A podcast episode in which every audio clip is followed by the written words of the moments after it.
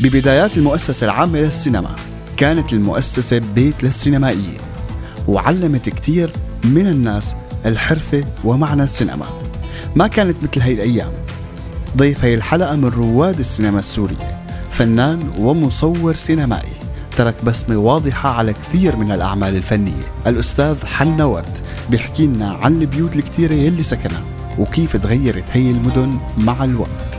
من اللاذقية لحلب للشام بيحكي لنا عن رحلة حياة. خلونا نروح سوا مع زميلنا عمر سواح ونسمع هالحكاية. بيتي بيت الجيران مساحته 162 متر افتح بيتي قدام ولا ورا ما عم لاقي صور حالتي الا ربع يا أخي هي القرش هذا المنطقة بيتي هون. بيتي هون. برنامج بيحكي باسمكن وصوتكن انتو.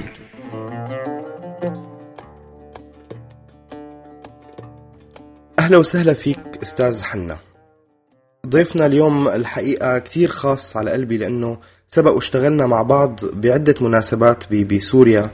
و- وكان عندي رغبة أنه أستضيفه كتير بهي الحلقة لأنه سينمائي وعنده عين مختلفة. لنضيف على برنامج بيتي هون. أستاذ حنا أهلا وسهلا فيك. الله يسلمك خليلي إياك.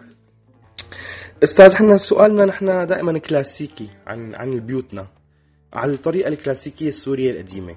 بيتك وين؟ أنا بيتي بشرق كورنيش تجارة بتسع أبراج حول الحديقة قريبة من بناية الروس الخبراء الروس. أنا عايش كمان بالعلالي بالطابق 12 من البرج. هذا البرج حارة على الواقف 72 شقة بس. يا لطيف حار على الواقف عن جد. آه، أستاذ حنا كيف تتذكر بيتك؟ كيف تتذكر حارتك؟ على هاي الحارة الكبيرة اللي هي 72 ح- بيت على الواقف. كيف تتذكر هذا المكان اليوم وانت صار لك سنين بعيد عن البيت؟ والله ذاكرة لطيفة لأنه المنطقة جميلة. يعني عندك حديقة أنا بدل ما أعيش ببرزة كنت أخذ بيت مساحته 120 متر فرضيت ب 70 متر بشرق الكورنيش وطابق 12 ومشاكل كهرباء انقطع الأسانسير وما انقطع بس في جنينة قدامي في فسحة مكشوف أنا. آه، أهم انطباع عندي إنه سكنت أنا سنة 1980 81 بالبيت. كان عندي مقابلة أنا الغوطة بقى بشوف جوبر. كتلة من الخضار والجمال والصبح لما بتكون شرق الشمس بتكون آه، مخباية الشمس وراء كتلة من الخضار والشجر إلى آخره. آه، غبت روح واجي بتعرف حياتي أنا سفر. فبال 2000 يعني بال 98 انتبهت لعمل شو صاير بالدنيا. زحف إسمنتي مرعب. المفاجأة الثانية لما جيت صور معكم مع المرحوم نبيل مالح. جانب السينمائي من آه، مسرحية صلاح الدين آه، فرقة إنانا. أنا انصعقت لما شفت إنه كتلة الخضار اللي كانت صارت كتلة من الإسمنت. صار الخضار نادر وجوده. كان من أول الباطون نادر وجوده ضمن هالكتلة الخضار. أول يعني حسيت في شي كارثة بدها تصير أو صارت. كيف توصف ال- ال- العلاقة مع الجيران؟ مين تتذكر من الجيران اللي- كانت تربطك علاقة منيحة معهم؟ شو بتتذكر بمحيط البناية من البياعين اللي كنت تشتغل معهم؟ آه، الع- العلاقات الإنسانية اللي ربطتك بهذا بهذا الفضاء اللي خلي اللي خلاك تقول إنه بيتي هون. والله بيسرني إنه يكون جاري الفنان محمود جبر مم. تقريبا الباب على الباب يعني قضينا فترة 20 سنة سوا تقريبا بعد ما قبل ما يرتحم المسكين الله يرحمه. أه قبل ما نطلع على على البيوت الثانية اللي سكنت فيها، إذا بدك تحدد نقط علام آه، بتشتاق لها اليوم آه، حوالين بيتك، أه بتحس إنه كونت آه، هذا المساحة لإلك. شو هي النقط العلام؟ والله هو أكثر شيء أنا يعني منطقتي للأسف ما كثير بحب حبيتها حسيت هلا أنا منطقتي مزبوطة يعني هالأبراج صح أبراج فيها سلبيات بس الإيجابية أنت على حساب إنه المحاضر عم تكون فوق بعضها سبنا ببلاش إلي. أنا كنت استمتع بالجنينة والأولاد بينزلوا بيلعبوا بجنينة. بقية المناطق يعني تزعجني لأنه أشعر إنه في ضياع مساحات في أزمة سير مفتعلة غلط ما محسوب مواقف سيارات ما في شيء. فوضى يعني نحن مثلا قلنا لهم أول ما سكننا لك يا جماعة محل ال parking اللي عاملينه. تعالوا نتفق مع امانه العاصمة. يحفروا تحت الأرض طابقين بيعملوا parking ويصير مأجور سنوي. يعني واحد لما بكون سيارته محمية ما ما حدا بده يترفه بده كله بس يحصل على كل شيء ببلاش. وهي كارثة بالنسبة لسوريا. ويعني ما نستغرب حدوث الأزمة ما نستغربها. لأن مقدمات الأزمة كانت واضحة. يعني أنا بعتقد الأزمة شفتها لما شفت إنه تحول الخضار من 1980 ل 2000 و... إحنا 2009 ولا 10 صورناه أه... نحن 2009 2009 يعني تصور أنت خلال 19 سنة كان انقلبت من أخضر إلى بياض سمار اللي هو لون الباطون لون الاسمنت شيء مرعب. يعني حسيت أنا في في قنبلة موقوتة موجودة صار بالغوطه هدول التفاصيل بحب بنحب نحكيهم لأنه هن بيحكوا عن بيتي هون هن تفاصيل برنامج بيتي هون. هدول علاقتك مع مع هذا الريف القريب كتير كيف كانت؟ لأنه نحن كتير مننا عايشنا هي القصة. كيف تتذكر هي التفاصيل تبع هدول الأشخاص؟ كيف كانت علاقتك أنا معه؟ أنا بستغرب. بستغرب هدول يعني هدول مثلا تقول عنهم إرهابيين. يعني أنا بستغرب يعني على مين عم تضحك؟ هلأ هذا فلاح. الفلاح لا يمكن يكون متطرف؟ هذا فلاح هذا عايش مع الأرض عم يعايش من الأرض. هذا مخه عم بيشتغل ما تنبل؟ ما موظف تنبل؟ الموظف التنبل ممكن يكون متطرف إذا معاشه قل هذا أفقر واحد بالغوطة عايش أحسن من أحسن موظف بالمدينة. ليش؟ لأنه ما عم يسرق حدا وعم نعرق جبينه عم يشتغل. عم بيجي بيجي الصبح بيجيب لي حليب. طلع الحليب. أول يوم قلت لي ابني والله تجي أمي الله يرحمها بتقول لي يا ابني هذا آدمي. مرة عم حاجة بدك تظلي عم قالت لي لا تحاججه للحج. شو بده اعطيه وأنا رضيانة؟ لأنه أنا مرتين باليوم عم طالع منه قشطة وزبدة معناها مانو مغشوش. طيب اذا هذا من عرق جبينه طيب هذا لا يمكن الإنسان اللي بيبيعني حليب بهالشكل لا يمكن يكون إرهابي. أنا عم بحكي بمنطق حضاري. بعدين مصلحته. أغلبية سكان التجارة مسيحيين. فشو بدي؟ عادي زباينه. هذا ضد ال business. آه. طيب. يعني انت تجار حميدية بيجوا الروس بصيروا يحكوا روسي بيجوا الإيراني بيحكوا إيراني بيجوا الإنجليزي بيحكوا إنجليزي بيجوا بكرة الألمان بيحكوا ألماني. business هي هذا بيع شراء بس الفلاح بتبقى أعرافه وتقاليده مختلفة. بس بس ما إنه سيء. أنا أنا معاشرهم أنا من 80 جماعة. تعرفت كم واحد يجيبوا لي خضرة يجيبوا لي فواكه يجيبوا لي آه، حليب. جبنه زبدة وصيون. كلهم ما في مرة اصطدمت مع واحد أو يعني أو صار بيني وبينهم تاتش طيب شو معناتها؟ صحيح. زلمة متزن بعدين بتحكي معه. الاداب باريحيه بعدين واعيين كلهم مخلصين بكالوريات أو كفاءة. يعني معلش سوريا ما في متطرف خيي. أنا برايي الشعب السوري لا يمكن يكون متطرف لأنه نحن طريق الحرير. نحن اقتصادنا اقتصاد ترانزيت. اللي عنده ترانزيت ما بكون متطرف. شوف الفرق بين السعودية والإمارات. شو السبب؟ الإمارات صارت دولة ترانزيت لذلك ما, ما مصلحتها يكونوا متطرفين. إحنا بلد ترانزيت نحن طريق الحرير عمره 4 5000 سنة. على مين عم يضحكوا؟ معلش خلينا نحكي بالمنطق. هذا البرنامج قائم على حكاياتكم وعلى قصصكم على رحلة لجوءكم أو هربكم وين كنتوا ووين صرتوا شو يلي فقدته سوريا خلال هالست سنين من أيدي عاملة من خبرات من شباب وكتير من الأمل. خلينا نروح لبيت بيوت الطفولة بيت الطفولة تبعك آه، أستاذ حنا. وين كان بيت الطفولة تبعك؟ والله بيت الطفولة هلا بحكي لك حكاية. بيت الطفولة باللاذقية شارع البحتري على موضوع التطرف. اسمع القصة وخلي بقى شيوخ التنظير العقائدي وغير العقائدي بسوريا يحكوا. سكننا بحارة كلها مسيح إسلام. في بناية واحدة صاحبة مسلم. طلع بالصدفة ثلاث جيران اللي استأجروها مسيحية نحن بالطابع الأرضي. بهالحارة الفهمندر زمانه معه سيرتيفيكا يعني حارة متوسطة الثقافة. هلا أمي كانت مركز ثقافي الحارة اللي بده يكتب مكتوب لابنه على العسكرية بروح لعند محنا اللي بده يدرسه ابنه إنجليزي بروح عند محنا اللي بده بنته فرنسي بروح عند محنا اللي بده يتداوى بروح عند محنا فمحنا صاير مثل مختار الاقتصادي والثقافي الثقافي. للحارة. فأبي كان كان بضيعه رامي ضيعته لعمه لأسامة محمد. عم يحددها كمهندس مساحة. مارق سكران خطر على باله يدق علينا الباب شيء 11 بالليل. وقامت الأيام وقعدت بالحارة نزلوا في قتل لهالإنسان وطردوه من الحارة وراح عند أبي اعتذروا منه. شيخ الجامع العجان قريب مننا قال له أبي شو صار؟ دق الباب دق الباب. المهم ثلاث اجتماعات لحتى انتهت إنه أبوي أصر إنه هذا ما يتعاقب. كان الحكم عليه إنه 30 ذبيحة 60 يوم صوم قام أبوي قال له خلصونا بقى. ثلاث ذبايح واذا ما معه مصاري أنا بشتريهم. نزلوا له الكنافة قبل ما تبرد. بتذكر المفتي قال له أبو حنا خريتها. فأتصور هالتعايش اين قال هذا. عن عن عن يعني عن شو؟ بعد شيء 15 سنة رحنا زرناه للمفتي. طبعا كان طلع تقاعد وقاعد ببيته. قلت له شيخي أنت ما كنت قاسي قال ابني اولا أبوك طلع كريم إنه أصر على أخف العقوبات. ولو إنه أنا ما زرت بعتبره غلطان. قال لي يا ابني راس الحية لما بتطلع لازم تكون الشفرة جاهزة.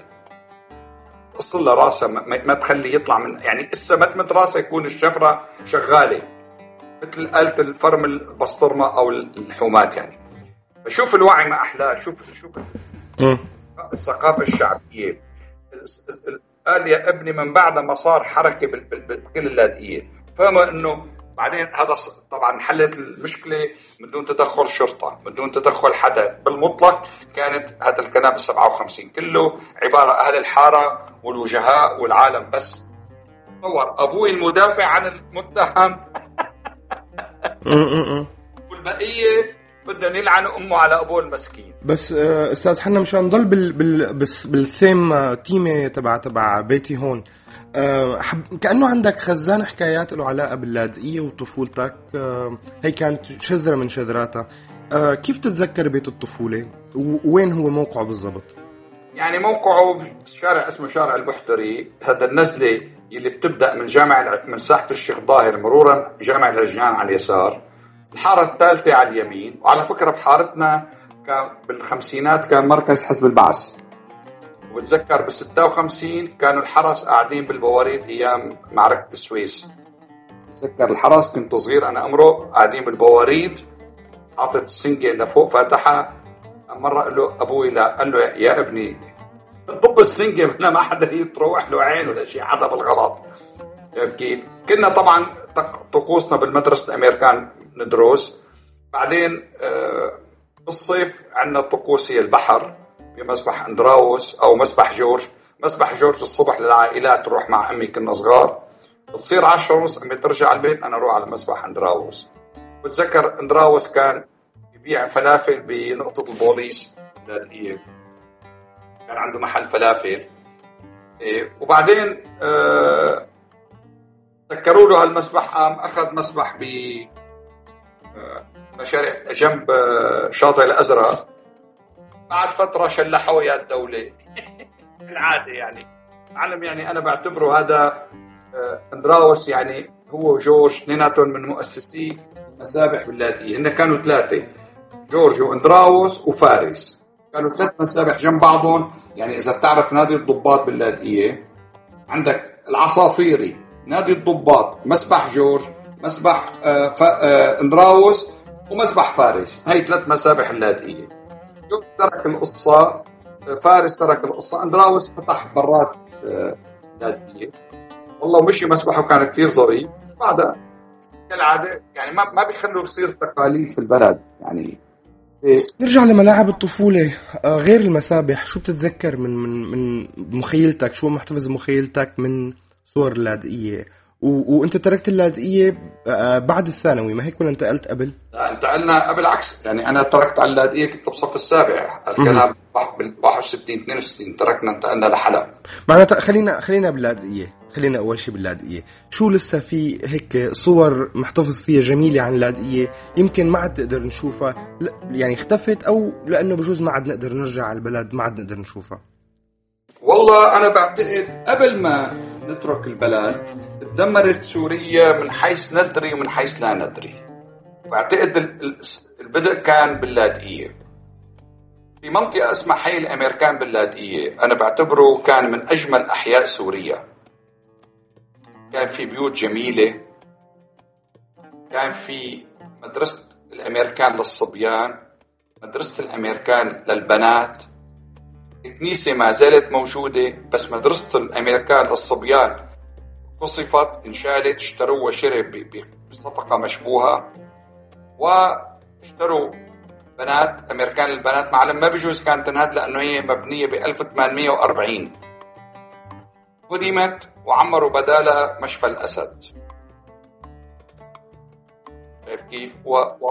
ودمرت العمارة اللادقانية القديمة اللي كانت من أجمل الأبنية بسوريا أنا برأيي الشخصي.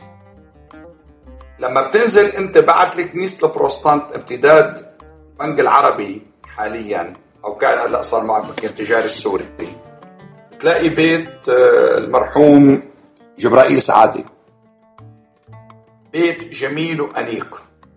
تنزل لتحت على البحر على إيدك اليمين توصل على الكازينو على إيدك اليسار على إيدك اليمين. في قصر من أجمل قصور اللاذقيه لبيت آه، سعادة. صادر تحت بناء حزب البعث. وفوت على الشرشحة اللي صارت بهالمكان.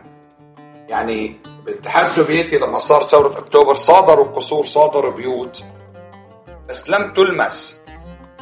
يعني كلها محافظة لحد الآن على وضعها آه، العماري بينما نحن في أنا برأيي تدمير مقصود وبناء أبنية مشوهة داخلا أو خارجا.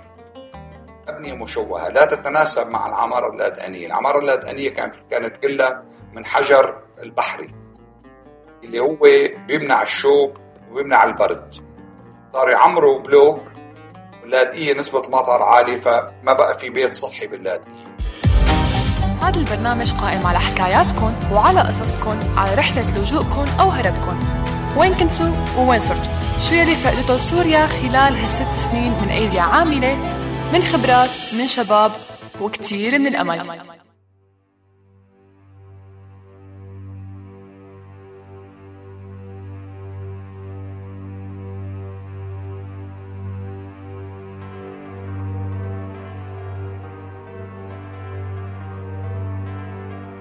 افلام آه، اللي صورتها شاركت بعدد كتير كبير من الأفلام.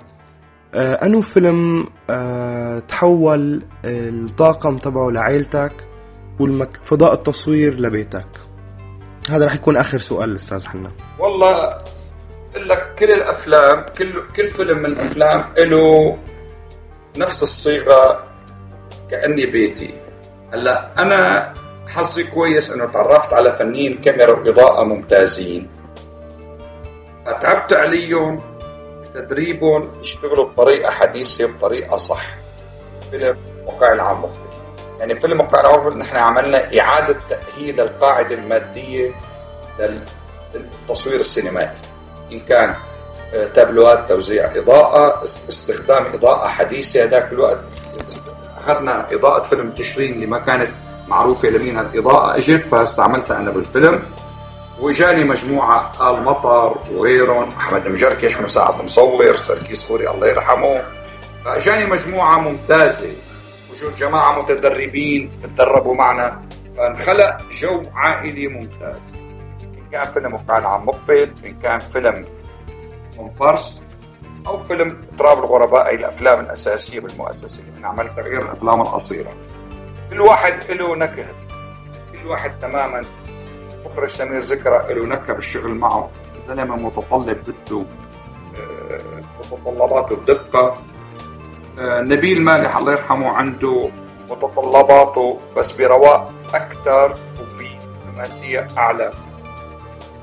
آه، دخلنا بفيلم تحدي قدام الكل فيلم تراب الغرباء عن الكواكب أنا برايي لحد الآن هو أكبر فيلم ضخامه انتاجيا بالنسبة للأفلام السورية. ومع ذلك قدرنا نطلع من التجربة بنجاح صح؟ في شابة شوي تجربة بعض الهنهنات الغير مهنية. بس يعني بسوريا على ما أعتقد لعدم وجود ستاندرد آه، دقيق بالمهن ما بتقدر تتوقع 70% من الإشكالات أكثر ما تتوقع عدم الإشكالات. أه بدي روح على إقامتك حاليا. شو اللي بتفتقده بألمانيا؟ عن سوريا؟ والله بتفتقد انت اصدقائك وزملائك اللي انت عشت معهم عيشة طويلة. يعني أنا كنت استفقدهم لما كنت بالإمارات. مع إنه أنا كنت حز العالم لا ترجع على سوريا بدها تخرب. كنت غلطت أنا ورجعت. وفعلا خربت. يعني أنت واحد كان يحلم فترة تقاعد يقضيها في بيته اللي هو تعب عليه. شوف أولاده عم تكبر. شوف زملائه يعطي تجربته لمدراء التصوير الشباب. درس بشكل ودي بالمعاهد الموجودة يدرسون علم إضاءة صح.